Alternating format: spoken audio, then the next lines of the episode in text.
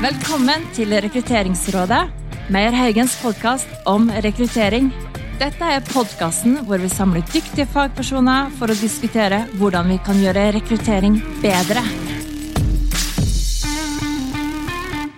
Ja, mitt navn er Petter Meyer, og jeg er managing partner i rekrutteringsselskapet Meyer-Haugen. Eh, I dag er vi da inne fra Arendalsuka, og da skal vi ha et spennende tema som heter Hvordan kan vi få til et mer bærekraftig arbeidsliv? Og For å hjelpe meg med å belyse dette temaet, så har jeg med fire spennende gjester. Da har jeg med meg eh, først eh, Trine Skei Grande, stortingsrepresentant fra Venstre. Velkommen. Så har jeg med meg eh, Christian Kolin, han fra Vy, og han er eh, Chief Strategy eh, Officer eh, i, og i NIT. Eh, velkommen. Takk for det. Så har jeg med meg Tove Selnes fra Storbrann, konserndirektør People. Tusen takk. Og så har jeg med meg eh, Sverre Haugen eh, fra Meierhaugen. Eh, Han er partner og leder for innovasjon i selskapet vårt. Men jeg tenkte jeg skulle bare ta en runde med dere først, hvor vi da skal si litt sånn Bærekraft er jo et, et, hva skal vi si, et begrep som mange forbinder med litt forskjellige ting. Så kort, Trine. Hva legger du i ordet bærekraft?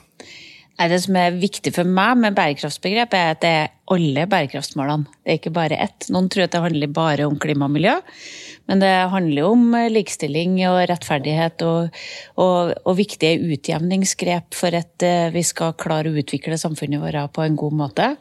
Eh, Vi hadde store FN-mål før vi vedtok bærekraftsmålene òg, men de handla stort sett om at fattige land skulle forandre seg og skulle bli rik.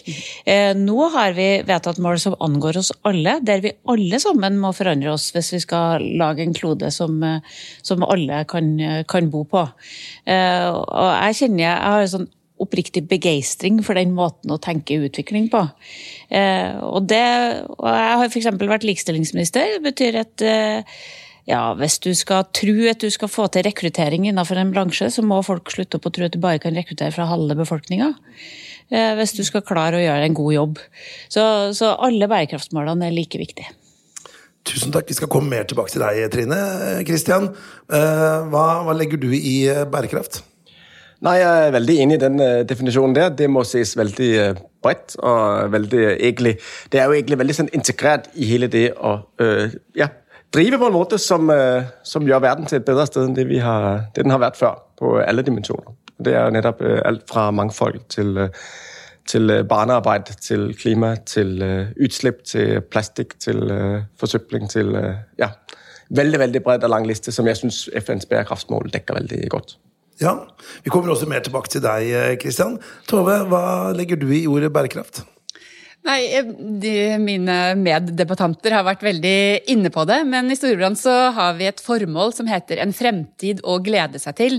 Og jeg tenker at det er et ansvar her i dag for at eh, alle skal få en fremtid å glede seg til. Det var utrolig godt eh, slagord. Ikke sant? Så både kundene våre skal få en god eh, fremtid å gå i pensjon i, men at hele verden rett og slett skal bli et bedre sted. Sånn at vi bruker pengene våre til, å, til bærekraft. Og det handler jo om at det vi gjør, er på en slik måte at verden overlever og mer enn det.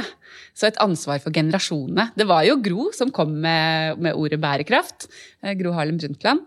Eh, Og jeg tenker at det har virkelig blitt viktig. Takk. Eh, Sverre, du har jo jobbet med rekruttering blant annet av folk som da skal jobbe med bærekraft. Hva legger du i bærekraft? da? Altså, bærekraft er jo at vi, vi er et veldig verdistyrt selskap. Og det handler jo om det. Det handler om som du sier, en fremtid å glede seg til. Og det handler om å eh, gjøre ting på en måte sånn at det kan vare evig. Da. At det selvfornyer seg ikke sant? inn i det. Og så er det mange av målene, ikke sant? og noen av de er så store og vanskelige og farlige at eh, man nesten ikke kan få sove om natta. ikke sant? Når du tenker på klima og sånn. Og så er det andre av målene som er veldig tett på det vi jobber med, sånn som likestilling, som har blitt nevnt allerede, eller mål nummer om jeg titter, åtte anstendig arbeid og økonomisk vekst er jo også et av målene. ikke sant? Og Dette er jo ting som egentlig vi jobber med hele tiden. Hvor vi kan ta en rolle og, og, og dytte våre kunder et skritt videre. da. Vi trenger ikke vente på at kunden skal be om å ha en balansert, kjønnsfordelt shortlist. Det kan vi sette som krav til oss selv. ikke sant? Spennende, vi kommer mer tilbake til det. Men jeg kunne tenke meg å begynne med dere i Vy. Kristian, kan ikke du fortelle om hva gjør Vy for å være mer bærekraftige? Både dere som organisasjon, men også i forhold til det produktet, altså transportproduktet dere leverer. Jo, altså vi er jo i en så heldig situasjon at uh, alt vi gjør, handler om å få flere til å ta toget og til å ta bussen. Og det er jo i utgangspunktet veldig uh, bærekraftig. Og det er jo en enorm fordel at man kan knytte alle virksomhetens aktiviteter til et større bærekraftsmål, og egentlig alt hva man gjør, bidrar til det. Det kan samtidig være litt farlig, fordi der kan man uh, godt miste noen av de andre bærekraftsmål litt av syne, så dem jobber vi jo veldig systematisk med på, øh, på, på, siden. Men det er klart, vi øh, får folk til å reise mer miljøvennlig, og så skal vi jo gjerne også som virksomhet etterlate et fotavtrykk som øh, er så grønt som mulig, og som er så holdbart som mulig. Hvis jeg bare skal plukke et, et enkelt eksempel, så øh, jobber vi for eksempel, Vi har jo en masse busser. Og øh, vi skal gjerne ha alle de busser blir elektriske. Det er de dessverre ikke helt øh, ennå. Og derfor så jobber vi jo med at øh, våre sjåfører skal kjøre så effektivt som mulig. og Derfor har vi et system hvor vi måler hvor effektivt de, øh, de kjører. Det er en konkurranse hvor jo mer, miljø, mer øh, miljøvennlig du kjører, så kan du faktisk øh, komme og vinne et, det vi kaller et bussmesterskap. Mm. Så det er jo et, et, et praktisk eksempel på vi, hvor vi, vi, vi, jobber med å drive ned det, det lite utslippet vi faktisk uh, har. Men det var der bare på én bærekraftsdimensjon. Uh, Takk. Ja, uh, Tove, hva dere som gjør i Storebrand dere som, ja, altså Jeg kommer ikke over det. Det var så godt. Det var ikke en framtid å glede seg til. Liksom, ja, Spennende. Du, fortell, Hva er det dere gjør, både internt i organisasjonen, men også i forhold til deres produkter? Mm. Nei, det er veldig bra spørsmål. Altså Storebrand vi har jobbet med bærekraftige investeringer de siste 25 årene. Så der vi er eh, verdensledende, det er egentlig å sette krav til de bedriftene som vi investerer penger i. Og vi, eh, vi rundet akkurat. Og investerer 1000 milliarder kroner på verdens børser. Så det er jo, vi kan virkelig påvirke gjennom de pengene. Så det er vi veldig gode på. Vi har et bærekraftsanalyseteam som analyserer data om alle bedriftene vi skal investere i. Og vi har tre eh, måter hvor vi jobber mot disse bedriftene på. Eh, det ene, som kanskje mange tenker på, er jo ekskludering av de som eh, ikke er verdt å investere i fordi de ikke er bærekraftige nok. Men det vi ser at vi jobber mer og mer med, det er egentlig dialog for å få de bedriftene som ikke er gode nok på bærekraft, til å bli bedre. For det her er jo ikke en konkurranse om at liksom noen skal bli best og de andre kan være langt der nede. Vi skal jo prøve å løfte alle til å bli bedre. Og så er jo det tredje initiativet, det er jo eh, å investere i de som virkelig løser eh, klimaproblemet, f.eks. gjennom teknologi eller fornybar energi osv. Så vi eh, fokuserer bredt på det. Så på kapitalforvaltning så er vi skikkelig gode på, på bærekraft, og, og, jeg er veldig stolt av å jobbe der, og alle i selskapet er også det. Eh, og så blir vi bedre og bedre også på, og vi ser det, særlig eh, unge er opptatt av at vi også skal leve bærekraftig i hverdagen. Så det blir mer og mer krav også til meg i HR f.eks. At alt vi gjør i kontordrift og alle de små tingene, det betyr også noe. Selv om den viktigste påvirkningen vår er jo gjennom disse 1000 milliardene som vi investerer i, i verdens børser, og som også gir oss muligheten til å ta opp vanskelige diskusjoner, sånn som i fjor sommer i forhold til skogbrenning i Brasil, hvor vi sammen med andre investorer virkelig kunne påvirke og, og få f.eks. presidenten i Brasil i tale og ta grep. Så, så det er jo den type liksom store grep. Men så ser vi at f.eks. For kommer forsikring eh, og, og, klimautfordringer eh, til å kunne påvirke forbrukere fremover. Så vi har mange andre produkter også som vi nå jobber mer med bærekraft i forhold til. Og så vil jeg bare nevne én ting til, og det er at vi er også veldig opptatt av eh, dette med likestilling. Og sjefen min var akkurat på scenen nå eh, for en halvtime siden og snakket eh, om det. Og der ligger jo næringslivet skikkelig dårlig an. Så der må vi bare gjøre grep, alle sammen. Så det jobber vi òg med. Tusen takk. Ja, eh, Trine, du har jo da eh, sett hva skal jeg si, bærekraft fra et eh, politisk perspektiv i mange år.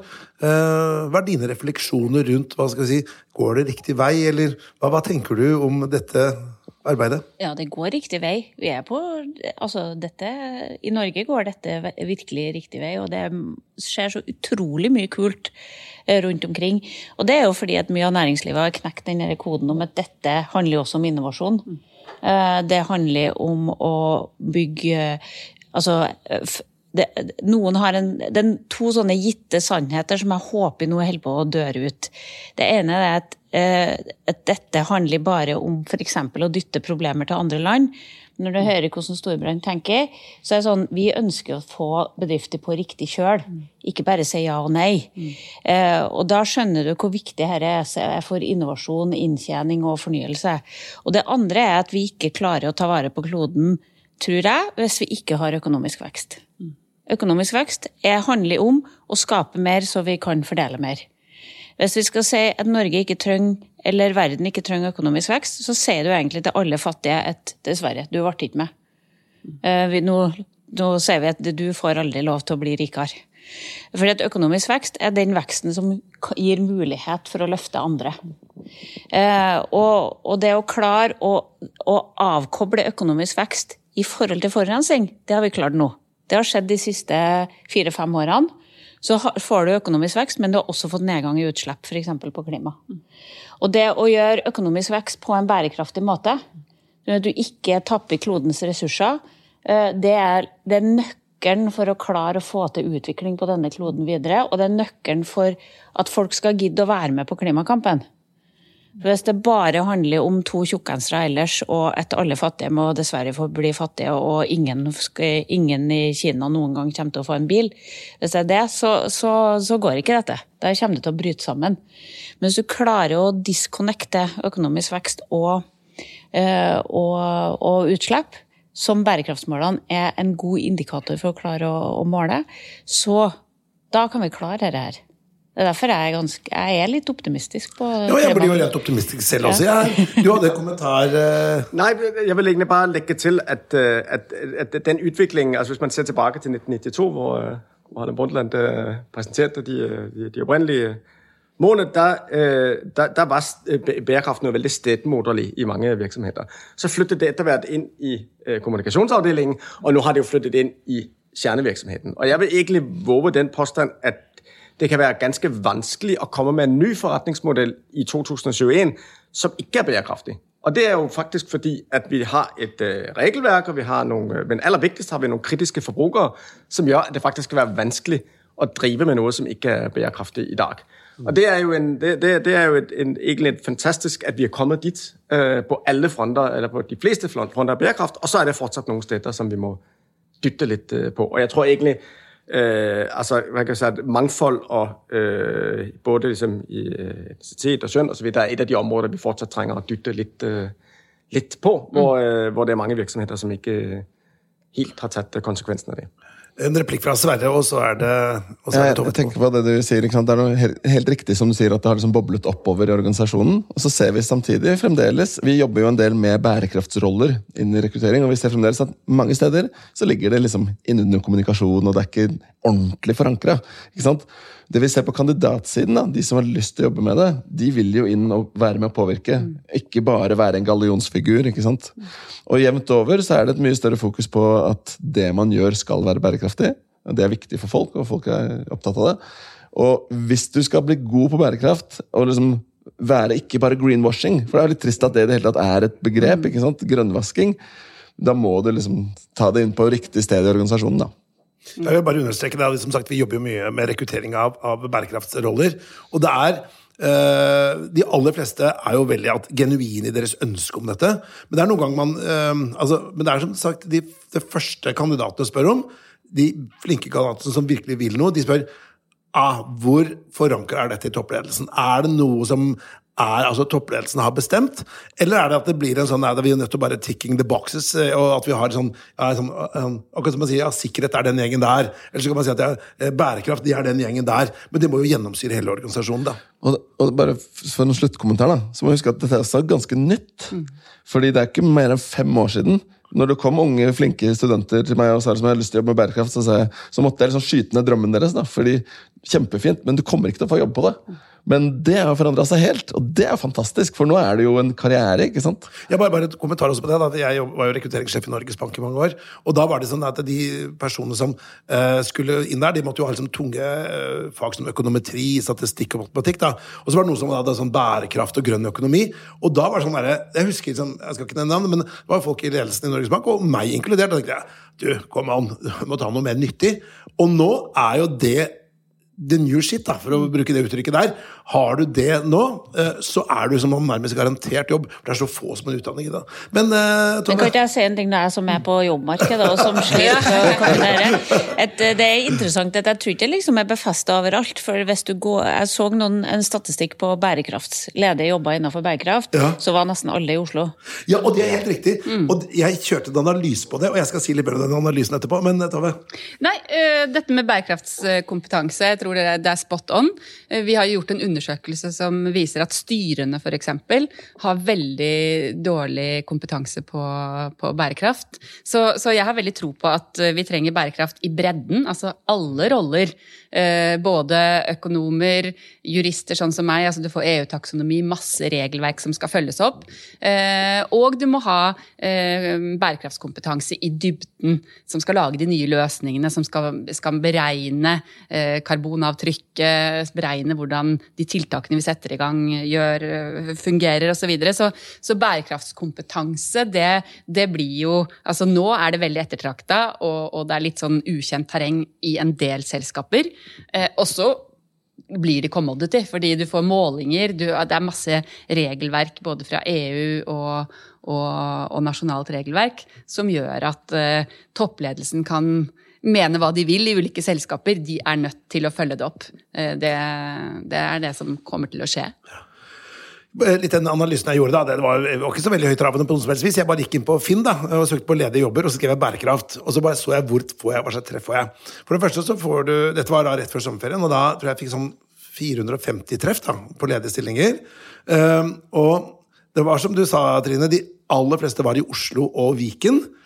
Eh, og så var det litt i, i, i bergensområdet. Og så var det da Innlandet, altså Hedmark-Oppland. Der var det seks ledige stillinger.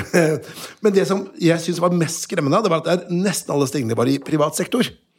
Så det er veldig sjelden du skal ha en bærekraftansvarlig i en, altså en heloffentlig altså en, Tenk på et direktorat, departement Det var veldig veldig få stillinger. Jeg mener at de er gode i utgangspunktet. Ja, de, du, ja, de, tror... de, allerede har fått inn i folka. Ja, det er ikke alltid de er det, men jeg tror nok kanskje de tror de er det. Ja, ikke sant. Men i hvert fall, hvis man skal se på ledige stillinger, da, så var det stor overvekt av private selskaper da, som er på jakt etter, og også større selskaper.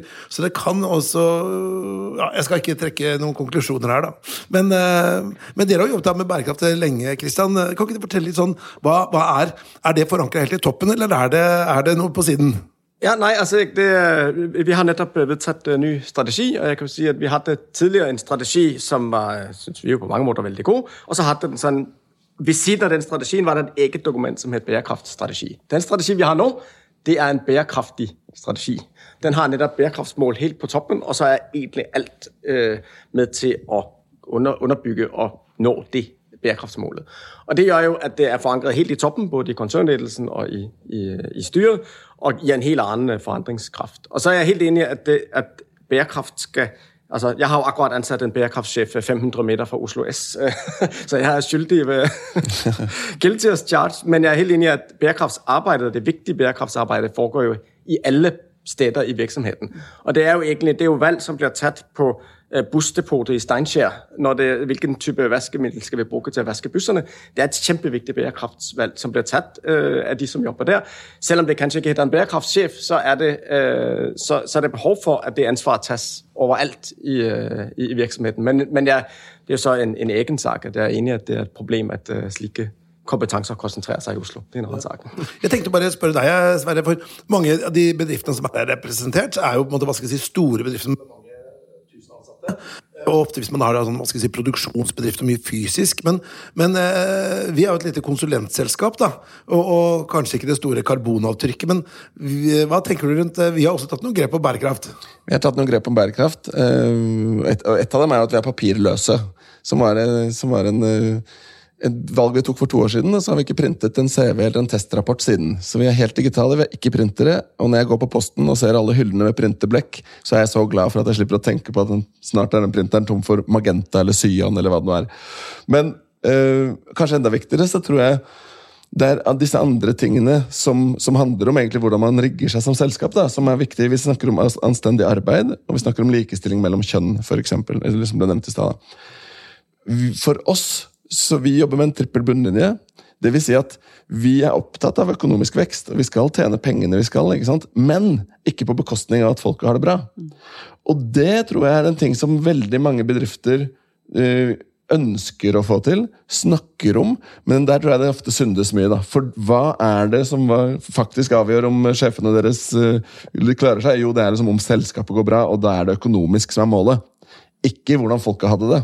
Og det burde man kanskje løfte litt oftere, da, tenker jeg. Ja, da, fikk jeg en ku, for jeg bare elsker trippel bunnlinje. Det er liksom det, det, det er virkelig people, profit and planet. Eh, eh, Da, da, da får du målt alle delene. Men det vi har sett da, når du analyserer selskaper, det er jo at det er utrolig kortsiktig å ikke tenke trippel bunnlinje. For det er på en måte det som, eh, som gir økonomisk vekst over tid. Så, så vi kaller det jo gode penger. Altså at det gjør godt å investere på den måten, og det gir god return on investment. Og det er jo klart at jeg føler på en måte at når vi var superbekymra over eh, politikerne i, eller politikeren i USA, f.eks., så var det jo veldig sånn godt å se at investorer, store selskaper, de ser at ikke hvis ikke vi løser klimakrisen, eller hvis ikke vi investerer eh, bærekraftig, så går det skikkelig dårlig, både med business og med oss som lever på jorda. Så eh, det er på en måte det som er løsningen. Jeg tenker Det er samme som du sier, Trine. at Det er ikke sånn at du må ha det dårlig selv om du jobber med bærekraft eller gjør ting bærekraftig. Det er liksom litt eh, passé. Vi kan eh, kjøre gode elbiler, eller vi kan investere penger som gir return og gjør noe godt. Altså hele veien. Eh, og så skal vi selvsagt eh, vaske plasten vår og sortere og alt det der også. Men det er så mye liksom Det er gode penger faktisk også i dette her, da. Eh, Godt liv og gode penger, det er jo helt perfekt. Nei, og, det, er jo en af de områder, hvor netop, øh, altså, hvor, hvor, hvor, hvor, hvor min påstand om, at, øh, at øh, bærekraftige forretningsmodeller også er det bedste, det er jo kanskje people-delen, er kanskje mm. den vigtigste. Altså, det at have en anstændig arbejdsplads, det at have et, øh, en arbejdsplads, som folk har lyst til at blive på og udvikle sig i, og øh, tørre og gi af sig selv og øh, læne sig øh, ud og gi af sig selv, det er, det er helt afgørende for at få, øh, for gode resultater. Altså, øh, man kan sige, den, den, en gammeldags lederstil, øh, der man, øh, der, det er, man leder oppefra fra ned, og man leder på mandat og ikke på, øh, på, øh, på merit, om man vil, øh, det, det skaper rett og slett dårlige resultater på lengre sikt. Så, mm. så her henger det jo heldigvis veldig, Ja. veldig godt sammen, og god ledelse er et helt avgjørende fundament for å, for å få til gode økonomiske resultater. Mm, enig. Du har jo da jobbet med dette fra et, hva skal jeg si, et myndighetsperspektiv. Hva kan myndighetene gjøre for, for å hjelpe bedriftene til å bli mer bærekraftige? Nei, det å legge, altså Dette er jo en svær innovasjonsprosess som man må legge til rette til. Eh, Jeg var på Abelia sin eh, når de la fram eh, sitt innovasjonsbarometer, som viste at vi egentlig har sakka litt akterut under pandemien. Eh, og vi tror liksom at nå har vi lært oss Teams og blitt kjempeinnovative på teknologi og sånn, og så, så er det andre land som har blitt pressa mer. Eh, og så kan man filosofere litt over det. Eh, har vi hatt så gode ordninger i Norge at vi ikke har fått til like mye ut av omstillinga som, som nabolandene våre f.eks. har klart å få til. Så, så mm, det er mye vi må tenke over hele tida for å klare å legge dette til grunn og heie på de riktige folka eh, i omstillinga, og hvordan staten er da i Altså, staten er en stor innkjøper, f.eks. Eh, Hvilke ting kjøper vi inn, hvilke tjenester kjøper vi inn, og hvordan måler vi de tjenestene vi kjøper inn. Eh, og vi er en stor forbruker. Så altså, Erna var veldig opptatt av dette i regjering, og opptatt av at én statsråd alltid skulle ha ansvaret for bærekraft eh, for regjeringa samla. Og det var det litt kniving om kan jeg innrømme, mellom partiene, hvem det var som skulle ha bærekraftsministeren. Eh, og Erna brukte alltid å vinne, men vi prøvde alltid å ta opp en good fight for å, før hver gang hun vant. Eh, men, eh, men, men det, er, det, er, et stort fokus på å klare å bruke disse målene på en god, god måte. Sverre? Du, nevner jo innovasjon, og nå er jeg så heldig at jeg har fått denne flotte innovasjonstittelen hos oss. Og det som er interessant med innovasjon, hvis du ser på, hvis du spør selskapet hvem var det som leda digitaliseringen av selskapet ditt, så var det ikke CEO, det var ikke IT-sjefen, det var jo covid som dytta det. ikke sant? Plutselig så klarte vi å være digitale.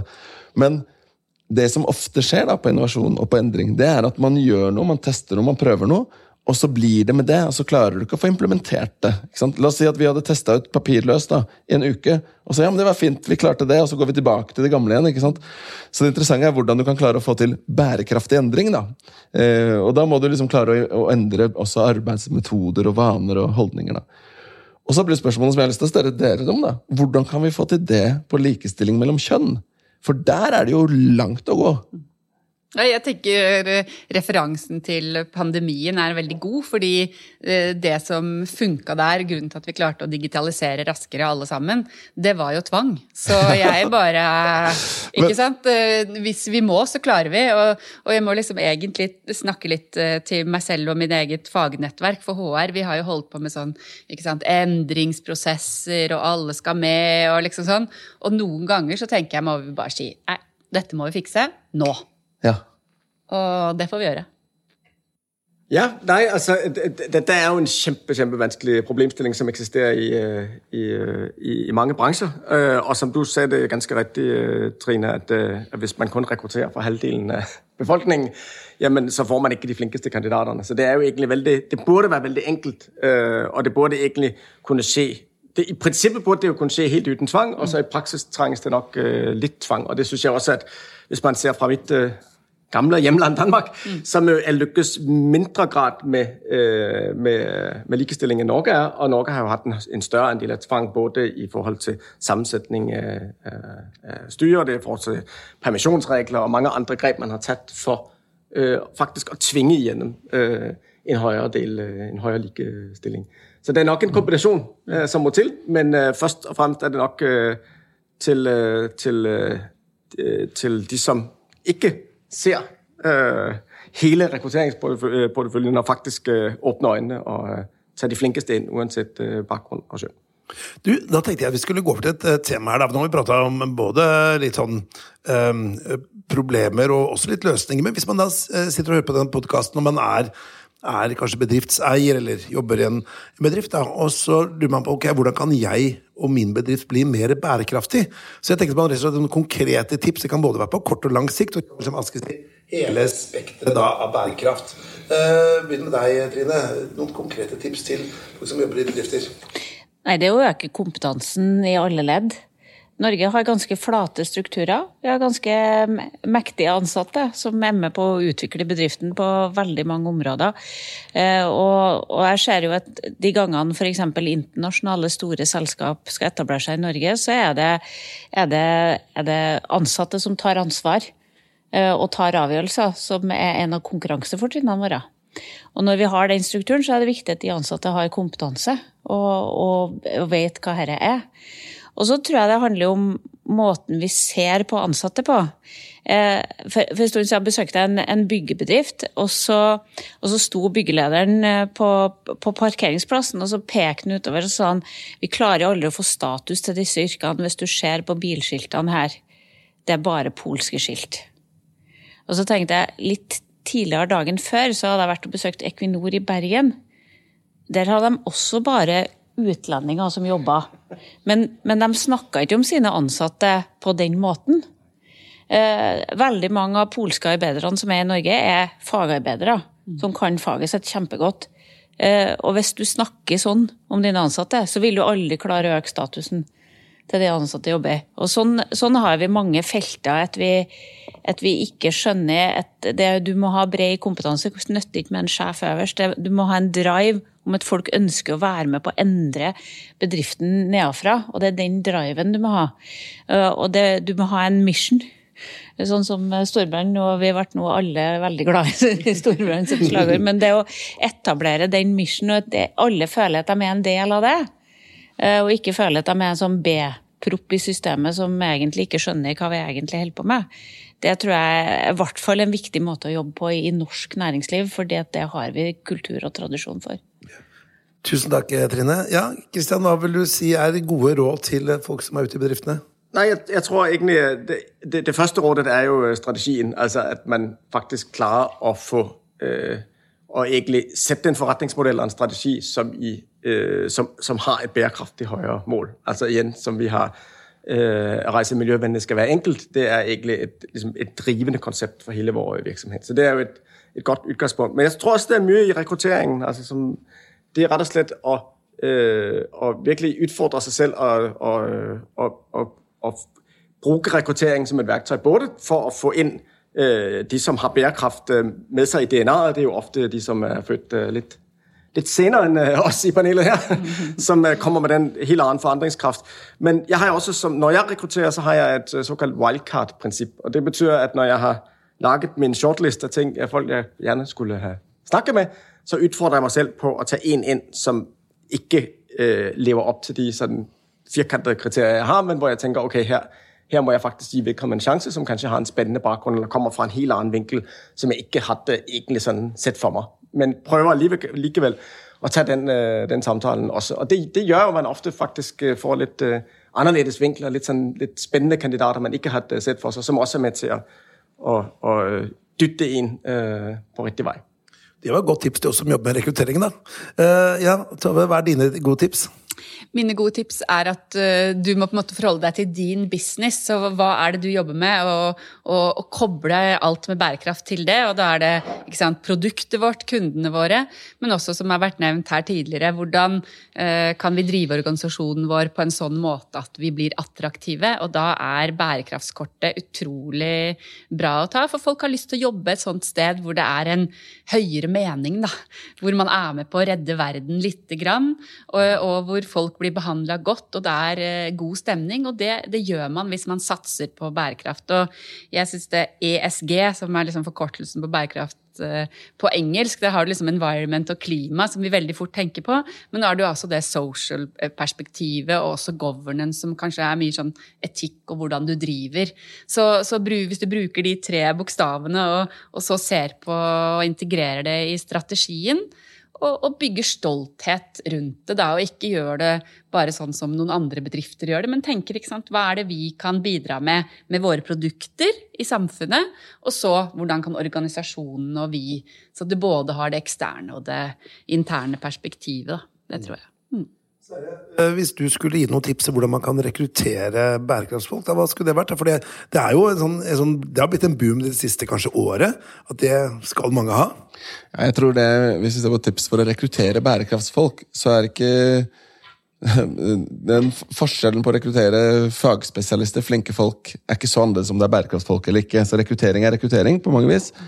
Men jeg har lyst til å også gi et tips til ledere da, hva de kan jobbe for å, jobbe, gjøre for å bli bedre på dette. og da kan jeg jo ikke, eller Vi kan jo ikke gi tips om alt, men hvis vi ser på mangfold, da, så snakket vi om det i stad, eller likestilling mellom kjønnene. Alle har lyst til å ha høyere diversity, som de sier, på kjønn. Eh, mer kvinner eller mindre kvinner, er et eller annet. men det er ingen som har lyst til å kjønnskvotere. Eh, men det de sier er, ok, hvis jeg har to kandidater som er helt like, da kanskje jeg kan velge, men da må de være helt like. ikke sant? Og da har du ikke den, de grepene, da. Men det er noen ting du kan gjøre som ikke er så eh, invasive, men som funker. For eksempel, still krav til oss som leverandører. Si at jeg vil ha 50-50 menn-kvinner på lista. Uansett om det er teknologi eller hva det er. Still krav til HR-avdelingen din. Jeg vil ha 50% på de som jeg skal velge blant inn videre. Og når du sender noen inn i intervju, sender du alltid begge kjønn inn i intervjuet. Og Det kan du tvinge fram, ikke sant? men du må, du må liksom tørre å ta noen grep da, og sette noen krav.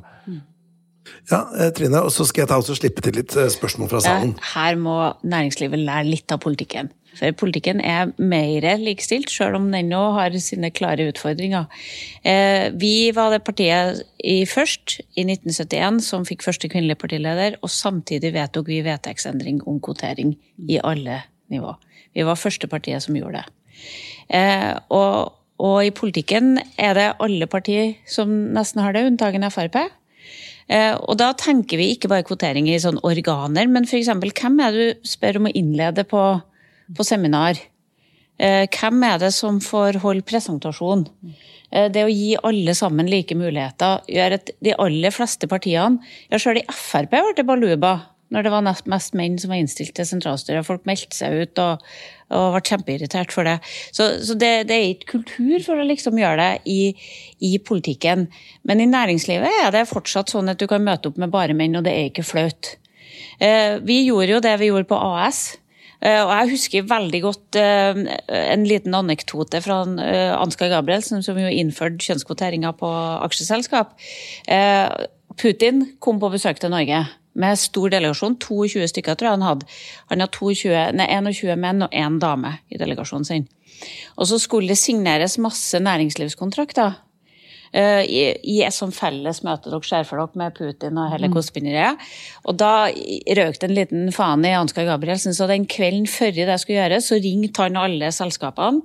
Equinor, Telenor, du, du, du, og sa kan ikke dere stille med høyest rangerte dame? Eh, så når, Det var bare damer som satt på den norske sida når den, hele den mannedelegasjonen fra Russland kom inn. Og da ble det skikkelig flaut til dem. Men du må faktisk gjøre sånne ting. Du må liksom markere såpass eh, sterkt for å klare å få til dette skiftet. Og Hvis ikke så kaster du bort masse Altså, I Norge så har jenter kunnet vært i Forsvaret i mange herrens år. Men det er først nå, når vi har vedtatt at alle skal på sesjon, at vi ser at den, nå begynner å bli 50-50 i Forsvaret. Jeg kjenner så mange unge jenter som syns det er så kult å gå inn i Forsvaret. Og det kommer til å forandre hele måten vi tenker i forsvar på. Og det kommer ikke til å bli et dårligere forsvar, det skal jeg garantere. Bra. Jeg tenkte vi skulle ta og slippe til noen spørsmål fra salen. Ja. Om det er noen spørsmål til dette med bærekraft?